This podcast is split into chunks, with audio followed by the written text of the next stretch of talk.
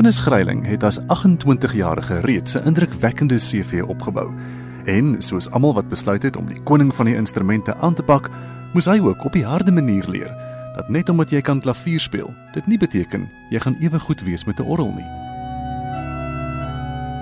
Dit is 'n heeltemal ander instrument. Mense dink dit is baie dieselfde, maar dit is glad nie. En die tegniek met die voete en die koördinasie was die grootste uitdaging, maar sodra mens dit het, dan is dit die grootste pret. Het jy gesukkel aan die begin met daai ding van die voete en die ander saam? Ja, my onderwyser Okkie Vermeulen het altyd vir my gesê, "Hoe dis vir jou linkerhand het ophou werk." En dan sê ek, "O, ek het nie eens agtergekom nie." Mense brein weet nie heeltemal hoe om alles te doen en dan lees jy nog drie lyne ook op dieselfde tyd. Dit het my 'n goeie jaar en 'n bietjie gevat om gewoon te raak daaraan. Hy het egter gou besef dat hy 'n spesiale aanleg vir die orgel het, waar mense uit sy geslag moderne beroepe vul met hulle sosiale media en rekenaarvaardighede, het Marnus besluit om sy ingebore gawe te ontwikkel en die obskure liga van antieke beroepe te betree. Hoewel hy sy vaardighede leer slyp het by die bekende Okkie Vermeulen in die skadu van Loftus Versveld, was dit in 'n nie-Afrikaanse omgewing waar hy sy heil sou vind. Dit nogal in die wêreld van die Randlords op Johannesburg se geskiedkundige Parktown Rif. Ons is hier so in St George's, dit is 'n een van die mees tradisieryke Anglikaanse kerke in die land. Die bordjie hier voor sê 1904 is hy gebou, die, die gebou. Hoe het dit gebeur dat iemand so Afrikaans soos jy in 'n Engelse kerk soos hierdie beland het? Dit was vir myself as kok, hulle het my gevra om aansoek te doen vir die pos in 2013 kort nadat die nuwe orgel ingesit is en ek het vir hulle gesê ek het nog nooit van die Anglikaanse kerk gehoor nie. Maar hulle sal my moet touwys maak en die musiekdirekteur toe van Engeland het gesê ja, en nou dink ek is ek meer Anglikaans as die Anglikane. Wat is die verskil? As jy nou sien maar heel gereformeerd of NG groot geword het en skielik is jy in hierdie totaal nuwe omgewing, is dit bietjie van 'n kultuurskok, volksvreemd? Dit was vreemd. Eerstens 'n baie Britse gemeente hier en hulle tradisie is anders. Dit wat hulle wil hê is anders.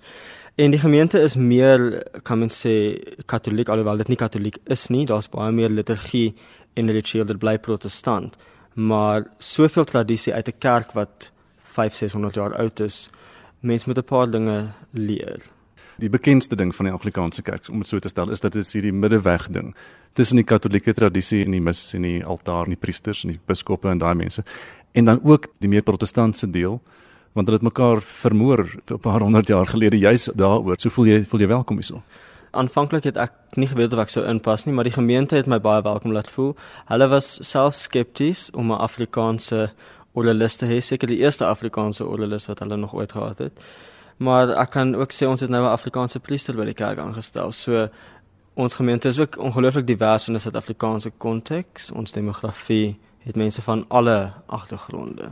Was die musiek vir jou baie anders? Is die musiek wat hulle sing, wat hulle speel in hierdie kerk baie anders as in die NG Kerk? Die musiek is baie meer tradisioneel in hierdie gemeente spesifiek en natuurlik omdat hier twee gevestigde kore is, is die musiek baie gegrond op die Engelse koortradisie van die kathedrale, soos wat mense sal vind in enige groot kerk in Engeland.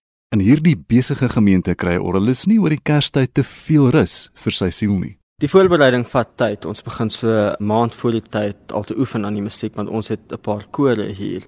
Kersdag self het twee dienste een met die koor een net ek op die orgel om maar 7 ure in die oggend al op te staan en ek is maar by die kerk vir dan so 4 tot 5 ure. Is dit moeilik? Is dit uitdagend om kore te laat oefen dat hulle reg sing en om alles voor te berei vir al daai spesiale dienste?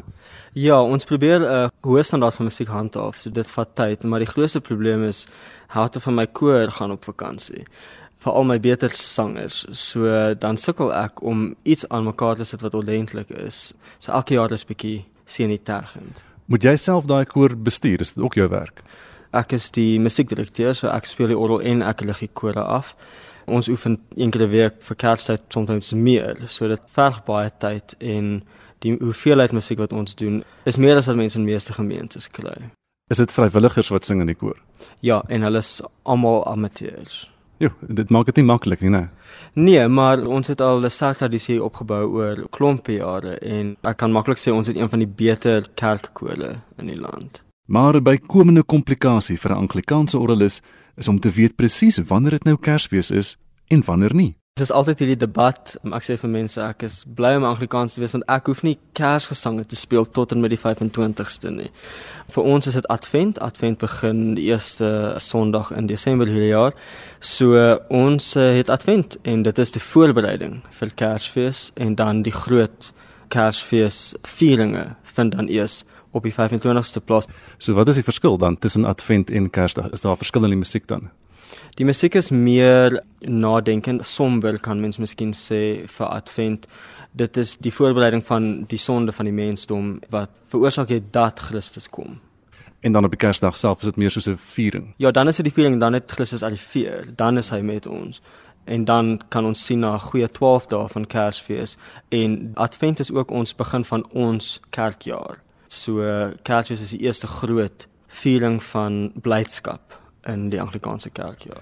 Jy sê nou Kersfees is 12 dae lank, is dit waar daai liedjie vandaan kom, the 12 days of Christmas. Days of Christmas, ja, en dan daarna is dit Epifanie. Day of Christmas, my true love sent to me.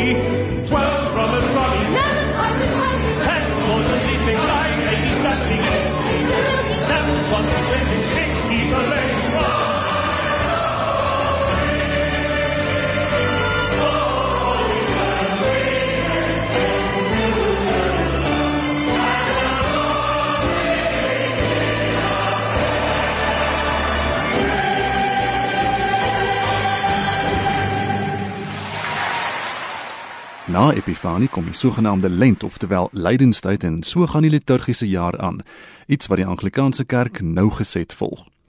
Die kerk se bekende Book of Common Prayer van 1662 is oor jare heen effens aangepas en daar bestaan verskillende weergawe in verskillende lande, maar die antieke wortels daarvan strek tog steeds diep. En die natuurlike ritme van die kerkjaar vind sy uiting in elke Sondag se diens en veral die musiek. Dis hier waar Marnus as nuweling behoorlik moes leer hoe belangrik sy rol is. Ek moes dit aanleer. As 'n NG Kerk seun was dit vir my iets wat ek nooit geken het nie. As jy nou vandag in 'n NG Kerk kom, is dit vir jou vreemd om soontoe te gaan. Dis nie vreemd nie, maar dit voel vir my amper of daar min aangaan as ek dit so mag stel. Ek mis die gesange. Ons sing nie altyd dieselfde gesange so somer Kersfees en die Heiland is gebore en so die, die Engelse ken dit nie. So dit is nogal nostalgies as ek in 'n NG Kerk sit rondom Kerstyd. Sal jy byvoorbeeld somer Kersfees in 'n Engelse kerk speel net omdat jy kan? Ek improviseer gereeld en dan gooi ek so 'n paar Afrikaanse liedere temas in en die mense dink o, dis nogal mooi waar kom dit vandaan. En vir ons Kersdiens hierdie jaar uh, sluit ek in Afrikaans somer Kersfees in wat hulle nog nooit van tevore gedoen het nie. En dan moet jou koor dit sing. In Afrikaans, ja. En ek kry dit reg. Ons sal maar sien.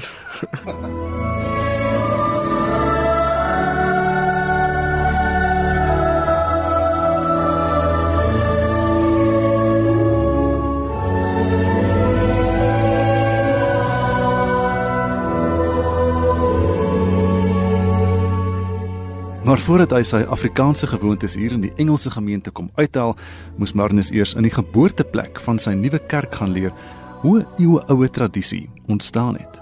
Is maar as gevolg van die gemeente hier dat ek Engeland toe is. Hulle het gesê moenie Oostenryk toe gaan nie, gaan Cambridge of Oxford toe om te gaan swat. So ek het en daar in 'n Anglikaanse kathedraal gaan werk en eerstehands gesien die ryk geskiedenis in 'n gebou wat 900 jaar oud is hoe hulle te werk gaan met hulle liturgie en dit dit was 'n ongelooflike ervaring. Is dit bietjie anders daar in Engeland self as wat die Anglikaanse tradisie hierson nou is? Ja, die Anglikaanse tradisie in Suid-Afrika het ongelukkig agteruit gegaan. Veral kore, soos met meeste Afrikaanse kerke ook, kore is glad nie meer volop nie. Maar in Engeland, ek sou sê die kerk musiek daar staan op 'n hoogtepunt van die laaste paar honderd jaar. Dis interessant dat jy dit sê want die kerke veral in Europa en dan Engeland ook word kleiner en kleiner en kleiner en minder mense gaan, maar die musiektradisie is sterk. Hoe kry mens daai twee bymekaar uit? Deels kultuur en tradisie, ehm um, alhoewel minder mense daar sou ek sê gelowiges is, is wat kerk toe gaan, die tradisie is ongelooflik belangrik. En wat interessant is, die kathedrale in Engeland het 'n 14% stygings in lidmaatgetalle oor die laaste 10 jaar en dit is as gevolg van klaarblyklik die tradisie en die musiek wat van so hoë standaard is. Daar is 42 sulke Anglikaanse kathedrale in Brittanje waar die kerke oplewing ervaar. Al loop baie van sy tradisionele gemeentes, die sogenaamde plaaslike parish kerke, dood. Ja, die kathedrale omdat dit gewoonlik is die geboue ongelooflik oud. So dit is 'n kombinasie van argitektuur musiek, hierdie praggeboue, net hierdie atmosfeer wat dit skep. Daar is seker beduidende klomp mense nou in Engeland self in daai sekulêre tradisie wat in die kerk is maar nie gelowig is nie. Ja, ons praat gereeld van duikboot lidmate. Hulle kom so twee keer 'n jaar op vir Kersfees en vir Paasfees. Hulle is nie noodwendig gelowiges nie, alhoewel dit moeilik om te sê, maar die tradisie is belangrik. En in Engeland is dit beslis die geval rondom Kerstyd en Paasfees en so is daai kathedrale vol met mense. Is daar baie van die mense wat dan op Kersdag in die kerk sit wat nie die gesang ken nie? Mense sou so dink, maar snaaks genoeg as mens in 'n kathedraal iets soos Hark the Herald speel met 2000 mense wat daar sit en hulle sing uit volle bors, dan kom jy agter die mense heg tog waarde aan hierdie ou tradisies van hulle land. En meeste mense is betrokke by musiek, dis maar 'n Europese ding, die kultuur is baie sterk. Die kombinasie van dit veroorsaak dat mense in 'n diens sit wat weliswaar 'n belewenis is. Jy sê dit gaan swat in Cambridge. Wat het jy geswat? Ek het 'n meestersgraad gaan doen in oral en spesifiek koor dirigeer werk en dit het gefokus rondom die Anglikaanse koortradisie alhoewel dit nie spesifiek net godsdienstige musiek was nie. So het jy self in Cambridge en daardie kapel in Cambridge gespeel? Ja, ek het in 'n klomp van die kapelle daar, daar's oor die 30 van hulle. Elke college het sy eie een en by Kings en St John's, hulle het elke dag dienste en jy gaan so intoe en die orgels is ongelooflik en ek het die voorreg gehad om op meeste van die instrumente te speel. Daar's daardie beroemde eh, gesig wat ek nou aan dink, is dit King's College wat hulle elke jaar die dinge wat uitgesaai word oor die wêreld heen waar die seuns sing.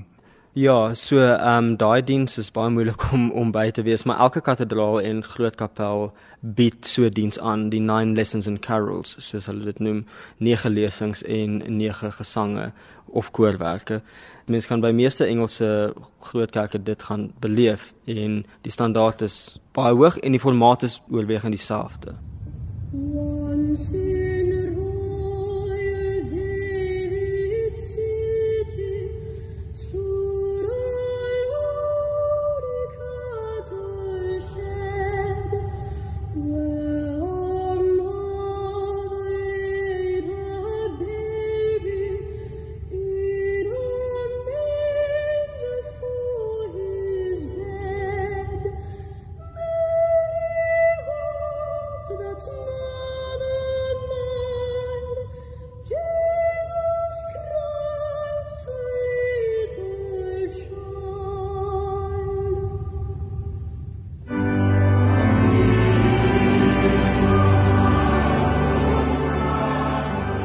Marnus het die voorreg om by St George's op 'n nuwe Oostenrykse Rieger orgel te speel wat 7 jaar gelede danksy 'n ruim skenking van die Oppenheimer familie geïnstalleer is vir die kerk se eeufees. Dis 'n moderne orgel, maar is alles behalwe elektronies. Meeste mense dink ook die orgel is elektronies, eintlik is die totale instrument meganies gebou as Eskom besluit ons het beerdkrag en ek het 'n paar registers aan kan ek nog speel vir 'n paar minute solank as wat daar wind is maar die registeraksie en die rekenaarstelsel wat die spel vergemaklik is alles natuurlik elektronies. So kom ons verduidelik gou-gou vir mense wat nou nie weet hoe 'n orgel werk nie. Hulle weet hoe hy klink dalk maar hulle weet nie hoe hy werk nie die basiese beginsels. So elke register het sy eie klankkarakter en omdat die orgel nie afhangende van hoe ek die klawers druk hard of sag kan speel nie, gebruik ons die registers daarvoor. So jy het sagte registers, harde registers, trompetregisters, fluitregisters en dit alles saam mens leer hoe om die kombinasies te gebruik om kontras en 'n tipe klankkleur te skep. So vir elke register is daar dan 'n pyp of 'n stel pype wat met daai register saamwerk. En op hierdie meganiese orgel wat om en by 30 registers het, elke register het dan op die manuale sal elkeen dan 58 pype hê, net vir daardie register, die pedale 32. So is nog 'n klomp pype hier in hierdie kas hierbo. Ons sien nou die voorste pype, maar daar's baie daar agterop. Ja, hierdie orgel het net so onder 2000 pype. Kan jy vir ons gespeel hoe klink hoe klink 'n gewone register om dit so te stel? So 'n gewone fluitregister is 'n baie sagte register, algemene register om te gebruik. Mense kan dan natuurlik iets meer gebruik vir kerkgesange. En dan uh, die meer trompetklanke wat mens kry van die orgel en dan die kombinasie daarvan om al die klanke bymekaar te sit kan vir jou nogal 'n redelike klank gee op die instrument. Die instrument is gemaak om 'n groot gebou te vul met hmm. Hoe is die ervaring vir jou om hier te sit en te speel om in beheer te wees van hierdie reusagtige klank? Hoe voel dit? Dit kan uh soms mense nogal angstig maak op 'n groot instrument wat so hard is om te speel en jy weet as jy 'n foutjie maak dan hoor die hele wêreld dit. Veral op 'n meganiese orgel jy kan niks wegsteek nie, maar dit is die grootste pret om veral in 'n diens waar daar minder druk is, kan mens sê as in 'n konsert dalk om rond te speel om te improviseer en te sien dit bring vir mense genot. As jy op Kersdag in die in die kerk is, jy berei nou voor vir wat jy gaan speel en is volgens die Book of Common Prayer en so aan. Maar is daar musiek wat gewild is, wat die mense altyd wil hoor en wat jy altyd moet speel? Ja, ek dink die gesprek wat nooit sal eindig nie is die tipe gesange wat mense kies vir die diens. Almal wil altyd tog die gesange hê wat hulle ken, wat hulle geken het as kind. So ek probeer die gesange so te kies volgens die liturgiese jaar, maar wat mense geniet wat hulle bietjie nostalgies kan maak. Hoeveel vryheid het jy om te kies wat jy wil speel in so 'n diens? Ek is bevoorreg by hierdie gemeente dat ek is in beheer van al die musiek. Ek kies al die koormusiek uh, gewoonlik 'n jaar vooruit en ook al die gesange en selfs die psalms wat ons sing vir elke diens. So hoeveel keer het jy in jou lewe nou al stille nag gespeel byvoorbeeld? Jong, ek wil nie eens daaraan dink nie. uh, Seker seker mm, amper 100 keer. En as ek omtrent 100 maniere om dit te speel dat dit anders klink elke keer. Ja, en ek het vandag weer op 'n verwerking afgekom wat ek nog nooit van tevore gehoor het nie. So uh, mense wil altyd bietjie vernuwe en dit op 'n ander manier benader.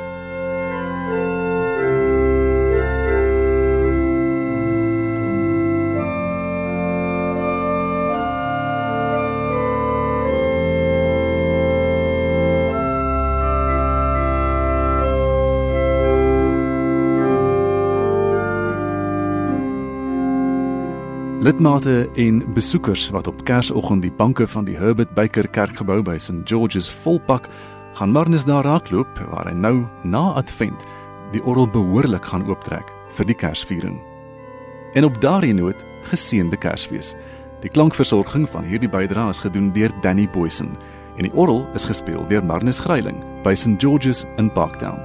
Ek is Gustaf Gryiling vir SAK nuus.